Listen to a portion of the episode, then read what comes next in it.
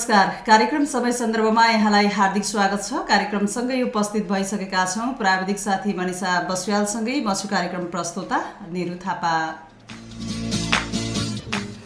तपाईँ यो कार्यक्रम रेडियो मुक्ति पन्चानब्बे थप्लो पाँच मेगा हर्च ट्युन अन गरेर पनि सुन्न सक्नुहुनेछ भने इन्टरनेट अनलाइनको W W W dot radio Mukti dot O R G login गरेर र हाम्रो पात्रोमा रेडियो मुक्ति बटल सर्च गर्नुभयो भने पनि तपाईँ इन्टरनेटको पहुँचमा हुनुहुन्छ भने तपाईँले यो कार्यक्रम सहजै रूपमा सुन्न सक्नुहुनेछ। कार्यक्रम समय सन्दर्भमा रहेर हामीले सदाको जस्तै आज पनि फ्रक अतिथि र फ्रक विषयवस्तुका साथ उपस्थित भइसकेका छौँ र कार्यक्रम समय सन्दर्भ तपाईँले हरेक दिन बिहान साढे सात बजेदेखि करिब करिब आठ बजेसम्म सुन्दै आइरहनु भएको छ र सुन्दै सुन्न पनि सक्नुहुनेछ।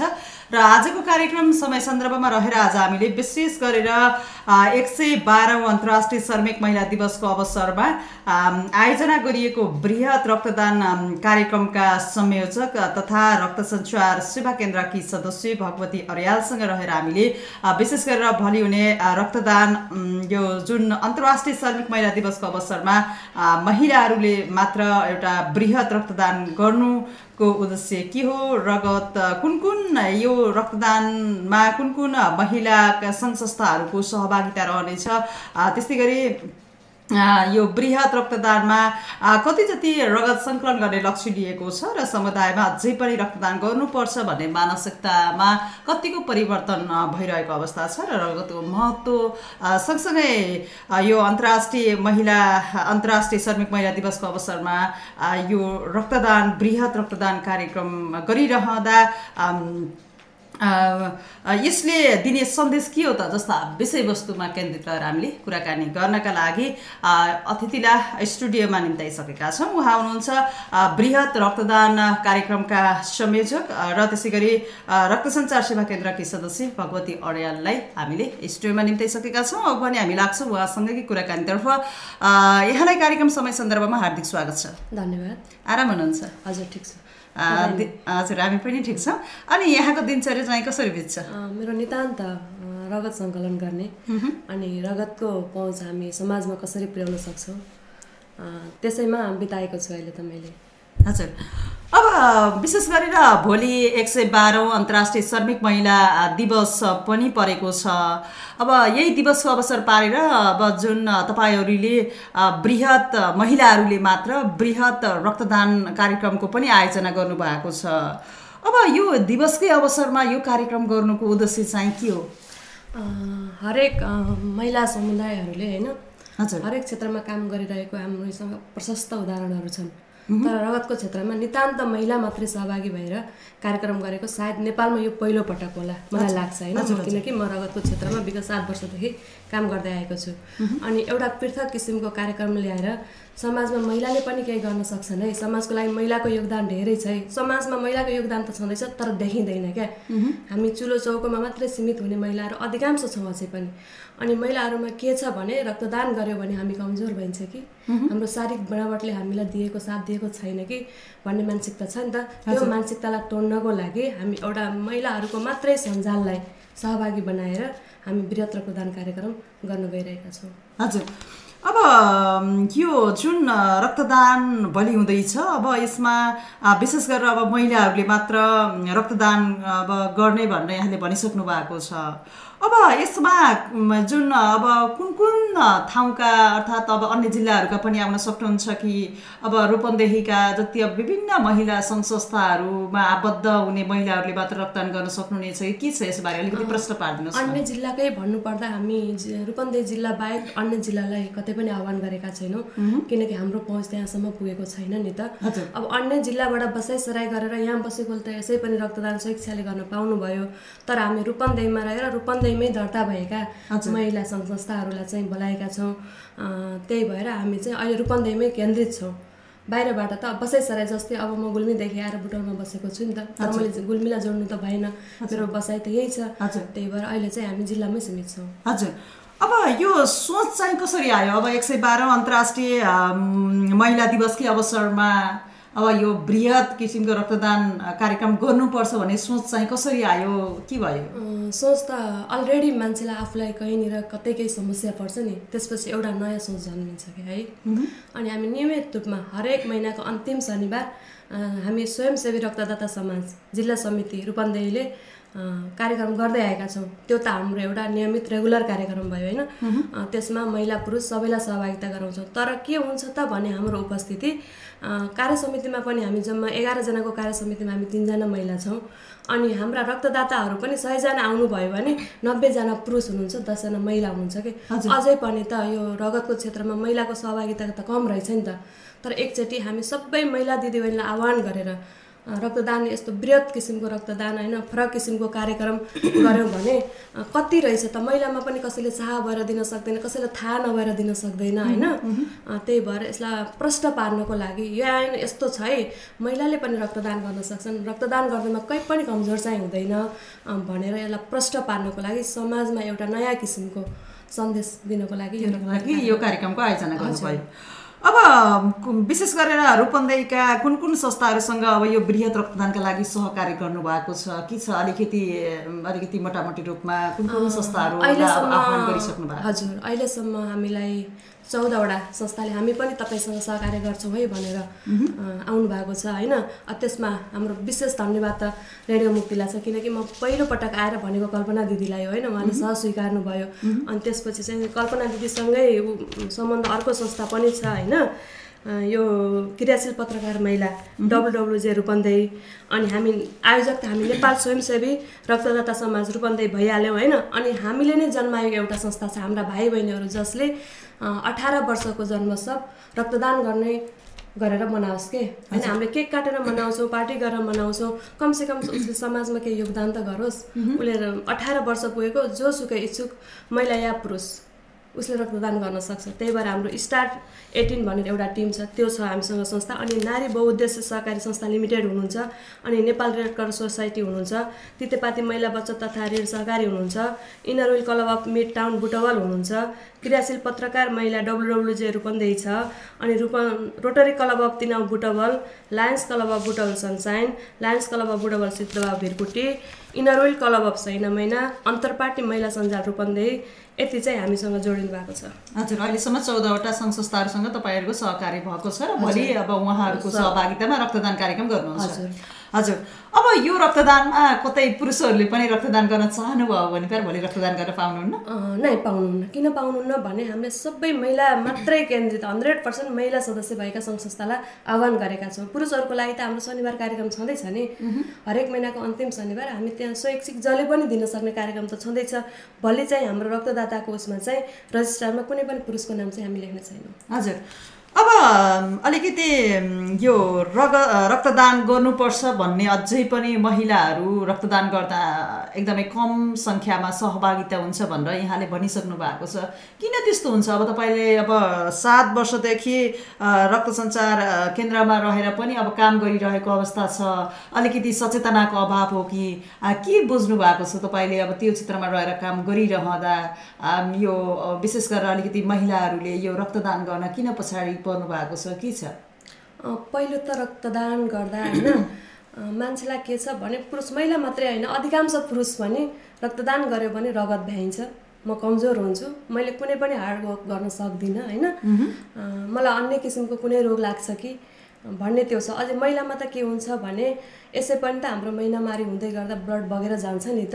अनि के भन्नुहुन्छ मैले हरेक मेरो साथीहरू मेरो दिदीबहिनीहरूलाई रक्तदान गर्न आउनुहोस् है भनेको एक एक महिनामा हामीबाट कति रगत बगेर जान्छ अनि हामीसँग के रगत हुन्छ र रक्तदान गर्ने त्यो पाटो भनेको छुट्टै हो कि? त्यो हामीबाट बगेर जाने रगतको पाटो भनेको छुट्टै हो तर हामीले रक्तदान गर्ने पार्ट भनेको छुट्टै छ। यसै पनि हाम्रो रगत हरेक तिन तिन महिनामा नष्ट भएर जान्छ। हामीले दिउँ या नदिउँ त्योसँग कुनै मैले अहिलेसम्म कति धेरै पटक रक्तदान गरिसकेँ तर मेरो रगत त भ्याइएको छैन नि त। त्यही भएर यो सकिने चाहिँ होइन। मानसिकता मात्रै। अझै पनि मैले रक्तदान गर्दै गर्दा के छ? मैले आफूले स्वतन्त्रताले रक्तदान गर्न सक्दिनँ क्या। घर परिवारलाई सोध्नुपर्ने।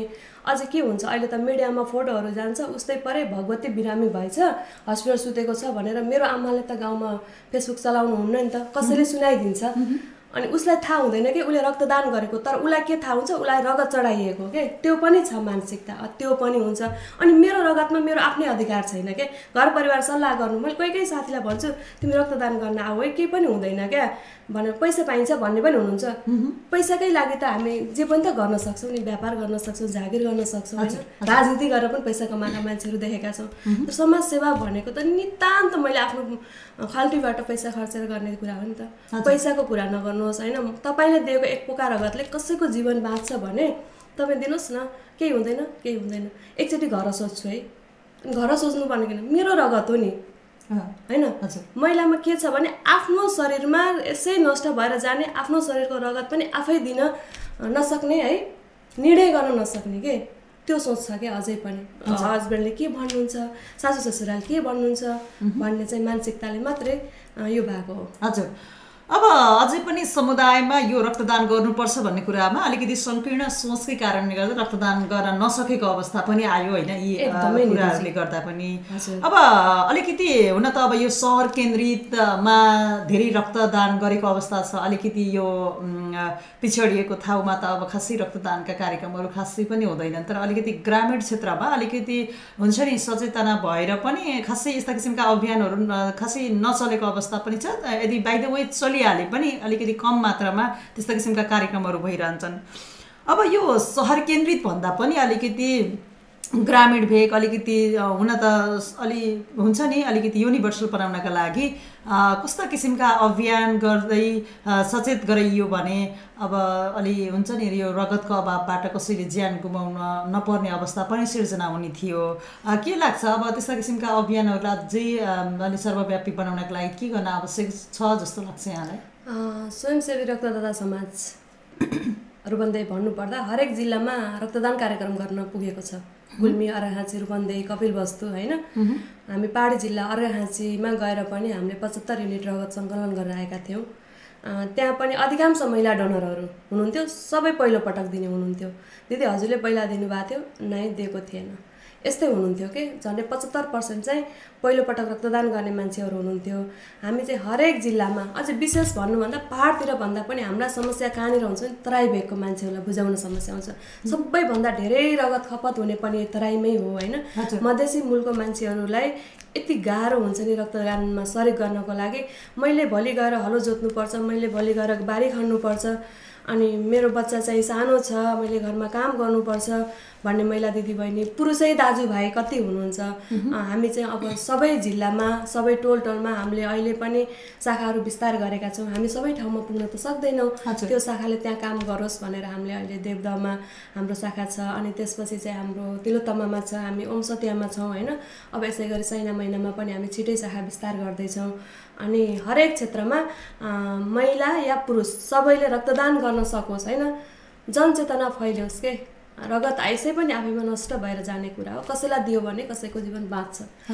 भन्ने मानसिकतालाई चेन्ज गर्नको लागि हामी अब प्रत्येक टोल टोल हामी त के भन्छौँ एक घर एक रक्तदाता। हजुर हजुर। अँ, त्यो चाहिँ त्यो अभियानलाई अगाडि सार्नु हामी- भएको छ। त्यो अभियानलाई अगाडि सारेर हिँडेका छौँ। हजुर। अब भोलि विशेष गरेर महिलाहरूले मात्र वृहत रक्तदान कार्यक्रमको आयोजना गरिरहँदा कति जति रगत सङ्कलन हुने अपेक्षा गर्नु भएको छ तपाईँले? मेरो अपेक्षा त एक सय पचास युनिट हो होइन? किनकि मैले चौधवटा सङ्घ संस्थालाई आबद्ध गराउँदै गर्दा एउटा संस्थाले दसजना मान्छे ल्याउनु भयो भने पनि त हामीसँग डेढ सय त यसै पनि त हुन्छ नि। त्यही भएर त्यसैमाथि हामीले धेरै हाम्रा पहिलाका रेगुलर डोनरहरू पनि हुनुहुन्छ उहाँहरूलाई पनि सहभागी गराउँछौँ। त्यही भएर एक सय पचास युनिट रगत सङ्कलन गर्ने मेरो लक्ष्य छ। हजुर। अब यो रक्तदान गरेपछि कस्ता किसिमका व्यक्तिहरूले यो रक्तदान गर्नुपर्छ भन्ने कतिपयलाई अलिकति अनभिज्ञता पनि हुनुहुन्छ होइन? विशेष गरेर कस्ता व्यक्तिहरूले रक्तदान गर्न सक्नुहुन्छ जस्तो कि अहिले रेडियो सुनेर बस्नुभएका कतिपय श्रोताहरूलाई पनि थाहा नहुन सक्छ। यहाँले अलिकति जानकारी गराइदिनुहोस् न। धन्यवाद। उमेरको हकमा हामी अठार वर्षदेखि माथि साठी वर्षसम्म रक्तदान गर्न सक्छौँ। अनि स्वास्थ्य अवस्था कुनै पनि दीर्घ रोग नलागेको जस्तै सुगर प्रेसर थाइरोइड अन्य रेगुलर औषधि खानुपर्ने कुनै पनि दीर्घ रोग नभएको महिला या पुरुष दुवैले महिलाको हकमा हामी महिनावारी भएको कम्तीमा सात दिन आफ्नो शारीरिक अवस्था हेरिकन कम्तीमा सात दिन हामी रक्तदान गर्न सक्दैनौँ। अनि स्तनपान गराउँदै गरेको महिला दिदीबहिनीहरूले रक्तदान गर्न सक्नुहुन्न। अँ, अनि गर्भवती महिला दिदीबहिनीहरूले पनि रक्तदान गर्न सक्नुहुन्न। अन्य जोसुकै स्वस्थ व्यक्तिले रक्तदान गर्न सक्छ। रक्तदान गर्नु भनेको आफू स्वस्थ छु है भन्नु एउटा प्रमाण पनि हो क्या। हस्पिटल धाइरहनु पर्दैन। म के छु भनेर हस्पिटल महिनै पछि जानु पर्दैन। मैले तिन महिनामा रगत दिएँ भने मेरो रगतको रिजल्ट त आउँछ नि। हजुर होइन? मेरो रगतमा कुनै पनि खराबी भयो भने त मलाई ब्लड ब्याङ्कबाट फोन आउँछ ल है तपाईँमा यो किसिमको रोग छ होइन? तपाईँले अबदेखि रक्तदान गर्न सक्नुहुन्न। तपाईँ फल्नु हस्पिटलमा जानुहोस् फल्नु डक्टरलाई भेट्नुहोस्। त्यो एउटा सुझाव पनि हुन्छ कि? त्यही भएर रक्तदान गर्नु भनेको आफू नितान्त म स्वस्थ छु है भन्ने एउटा प्रमाण हो। त्यसैले हरेक व्यक्ति स्वस्थ व्यक्तिले रक्तदान गर्न सक्छ। हजुर। अब हुन त अब रक्त सञ्चार केन्द्रले पनि अब रगतको अभावमा कसैले पनि ज्यान गुमाउन नपरोस् भन्ने उद्देश्यले विभिन्न ठाउँहरूमा शाखा विस्तार गरेको छ। त्यसै गरी सचेतनाको कार्यक्रम गरेको छ। रक्तदान पनि अब गर्दै आइरहेको अवस्था छ। अब यो गरिरहँदा अझै पनि समुदायमा रगतको महत्त्व अलिकति बुझ्न नसकेको हो कि जस्तो पनि छ। के लाग्छ यहाँ एकदमै। रगतको महत्त्व कति बेला बुझिन्छ भने म बाइस वर्षको उमेरमा म बिएनबी हस्पिटलमा अपरेसनको लागि भर्ना भएको थिएँ। मलाई त्यति बेलासम्म मेरो रगतको ग्रुप के छ थाहा थिएन। अनि मेरो रगत टेस्ट हुँदाखेरि ए नेगेटिभ भनेर मेरो ब्लड ग्रुप आयो। अनि त्यहाँ कुरा भयो कि यो एकदमै रियर पर्सनमा हुन्छ होइन। यो त पाइँदैन। भन्ने कुरा भयो अनि मलाई कस्तो भयो भने अब पाइँदै नपाइने रगत कस्तो हो त? मलाई त के थियो रातो रगत सबैलाई मिल्छ। रगत रगतै हो। हजुरको रगत मलाई मिल्छ मेरो रगत हजुरको मिल्छ। तर त्यो ग्रुपै छुट्याउनु पर्ने त त्यस्तो लाग्ने थिएन मलाई। थाहै थिएन नि त जब कि जे कुरा पनि त परेपछि थाहा हुन्छ। अनि डक्टरले चाहिँ दुई पोका रगत सङ्कलन गरिसकेपछि मात्रै तपाईँको अपरेसन हुन्छ भन्नुभयो। ए नेगेटिभ दुई पोका काठमाडौँको ठाउँमा म बुटोलबाट गएको मान्छे। हजुर। मलाई त्यो सम्भव त रहेन अनि मेरो संयोग के थियो? मेरो दाजुको मेन पावर थियो। अनि मेन पावरमा सबै जिल्लाका सबै ठाउँका मान्छेहरूको पासपोर्ट त्यहाँ हुन्थ्यो।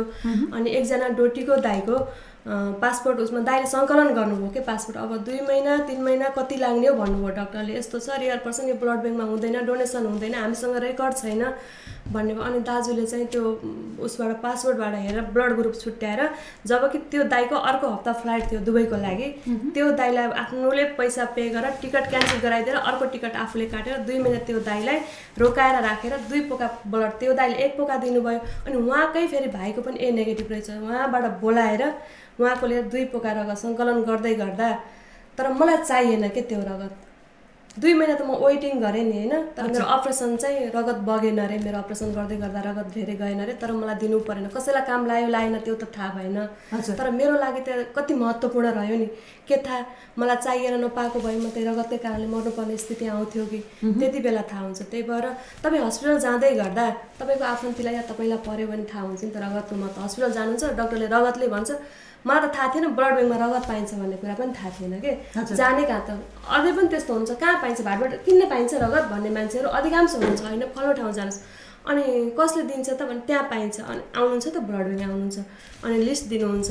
अनि ब्लड ब्याङ्कमा भए त दिने हो। नभए के गर्ने त? छैन भनिदिनु त अनि उहाँहरूको त एउटै एन्सर हुन्छ छैन।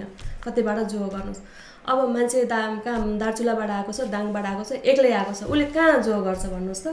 त्यसैको सहजीकरणको लागि हामीले प्रत्येक हस्पिटलहरूमा लुम्बिनी सेरोफेरो यो हाम्रो रूपन्देही सेरोफेरो प्रत्येक हस्पिटलहरूमा हाम्रो नाम हजुर। नम्बर अनि फोटोसहितको हामी ब्यानर राखिदिएका छौँ कि हजुर एउटा सहजताका लागि। सहजताको लागि। तपाईँ हस्पिटल जानुभयो भने त ओहो भगवती अर्याल हुनुहुँदो रहेछ भनेर तपाईँले मलाई कन्ट्याक्ट गर्न सक्नुहुन्छ नि त। तपाईँले चिनेको फेस म हुन सक्छु नि त। अर्कोले चिनेको फेस अर्को हुनसक्छ उहाँहरूलाई सहजीकरणको लागि उहाँलाई सहज होस् भनेर हामीले चाहिँ त्यो पनि गरेका छौँ। हजुर। विशेष गरेर अब यो एक सय बाह्र अन्तर्राष्ट्रिय श्रमिक महिला दिवसको अवसरमा जुन किसिमको एउटा सराहनीय काम गर्दै हुनुहुन्छ तपाईँहरूले होइन यो वृहत रक्तदान गर्ने कार्यक्रमहरू। अब यो विशेष दिनको रूपमा भोलिबाट अलिकति महिलाहरूले मात्र गर्ने भनेर एउटा सुरुवात गर्नु हुँदैछ।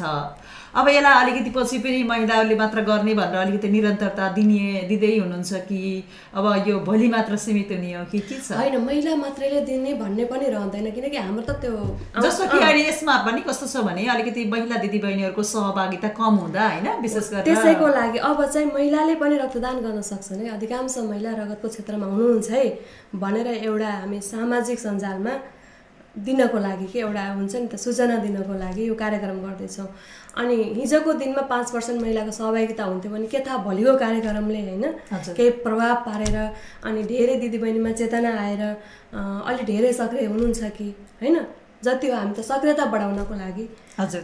यो कार्यक्रम गर्न गइरहेका छौँ। महिलाको मात्रै भनेर त हामी यो महिनै पछि गर्न त नसकौँला तर यस्तै केही विशेष दिनहरूको विशेष दिनहरूमा यस्ता किसिमका। कार्यक्रमहरू आयोजना गर्नुहुन्छ। हजुर हजुर। हजुर।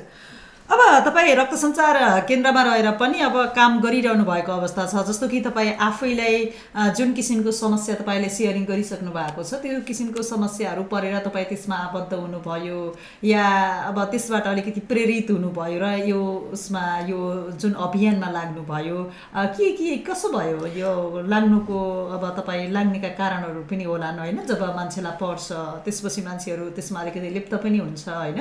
एउटा यो अलिकति पीडित कार्य पनि हो यो रक्तदान गर्नु भनेको के लाग्छ यहाँलाई? अनि त अन्त एकदमै तपाईँले राम्रो क्वेसन सोध्नुभयो। मलाई सायद मलाई त्यति रगतको खाँचो नपरेको भए म रक्तदान पनि गर्ने थिइनँ होला कि?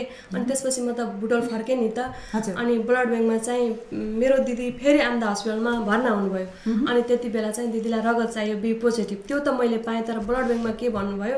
रिप्लेक्समा तपाईँले दिनुपर्छ है सो भर्ना तपाईँले दिनुहोस् अनि रगत लानुहोस् भने मैले भने मेरो रगत ग्रुप ए नेगेटिभ हो।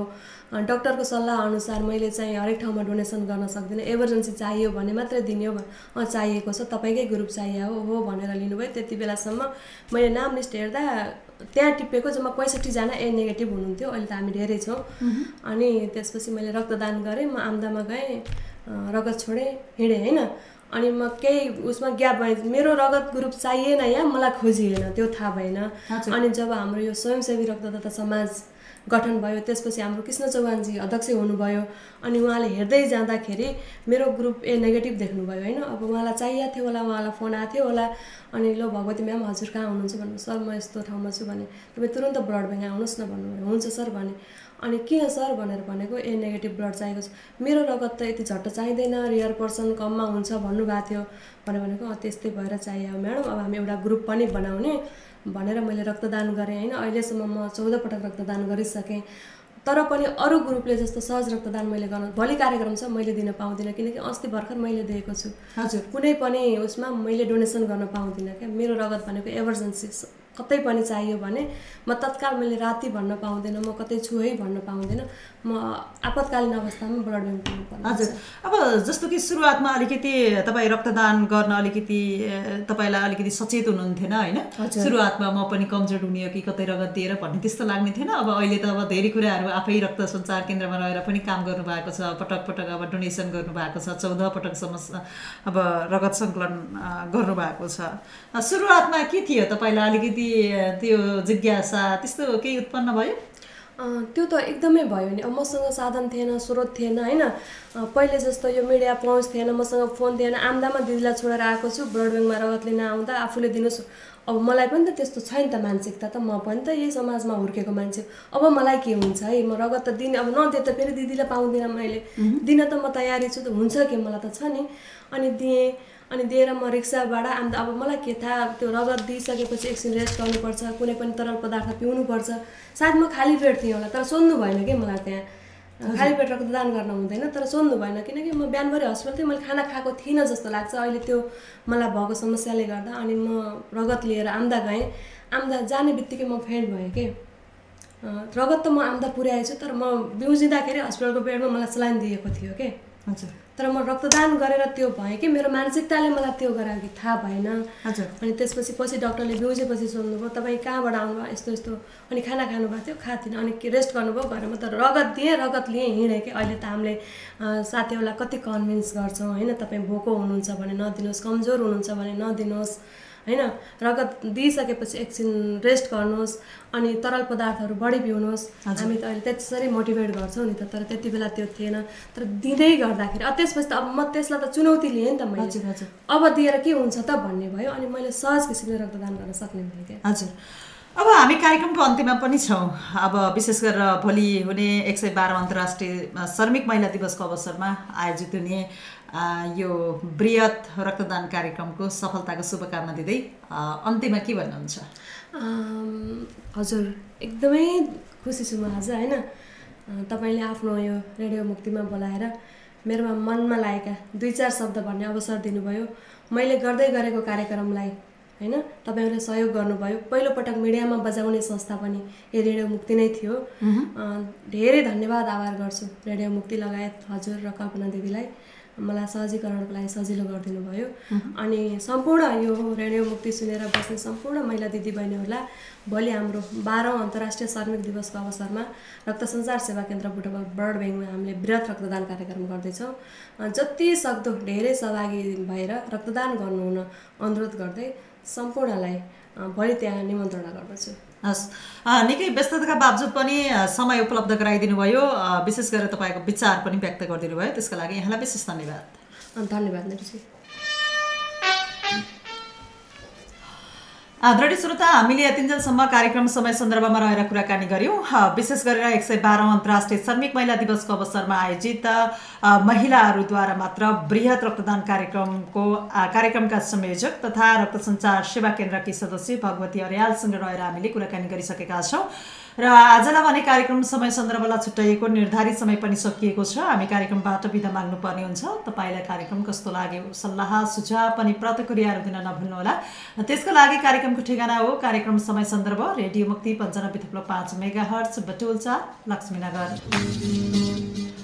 यही ठेगाना सँगसँगै यतिन्जेलसम्म कार्यक्रम सुन्नुभयो। तपाईँ सम्पूर्णलाई धन्यवाद। टेक्निकली सपोर्टका लागि मनिषालाई पनि धन्यवाद दिँदै आजको कार्यक्रम समय सन्दर्भबाट म पनि बिदा हुन्छु। नमस्ते शुभ